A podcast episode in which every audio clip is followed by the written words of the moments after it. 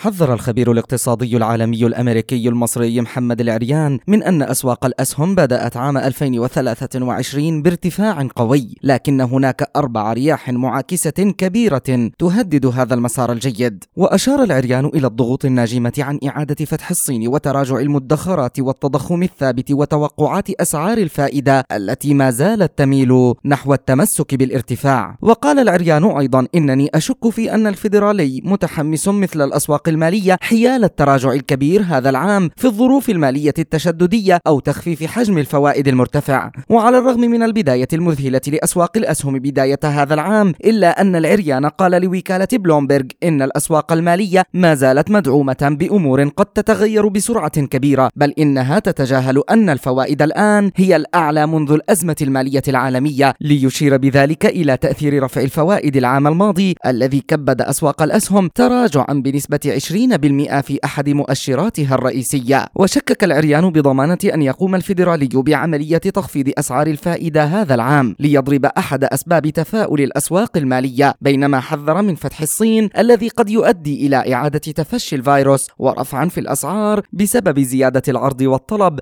الذي تمثله الصين للعالم. كما أشار إلى انخفاض المدخرات التي تغذي شراء الأسهم والاستثمار في الأسواق الأمريكية نتيجة تسريح العمال من قبل الشركات الشركات الأمريكية وتحديدا التكنولوجية بسبب مخاوفها من حدوث ركود اقتصادي محتمل وبشدة، أما التضخم فيرى العريان أنه سيثبت عند 4% لهذا العام، فيما سيجعل معركة الفيدرالي مع الفوائد قائمة حتى وقت غير معلوم، فيما ختم العريان حديثه محذرا أيضا من عدم تجاهل التراجع الاقتصادي والنتائج التي قد تكون مخيبة للآمال والتي بدأت بعض الشركات الأمريكية بإصدارها. مجد النوري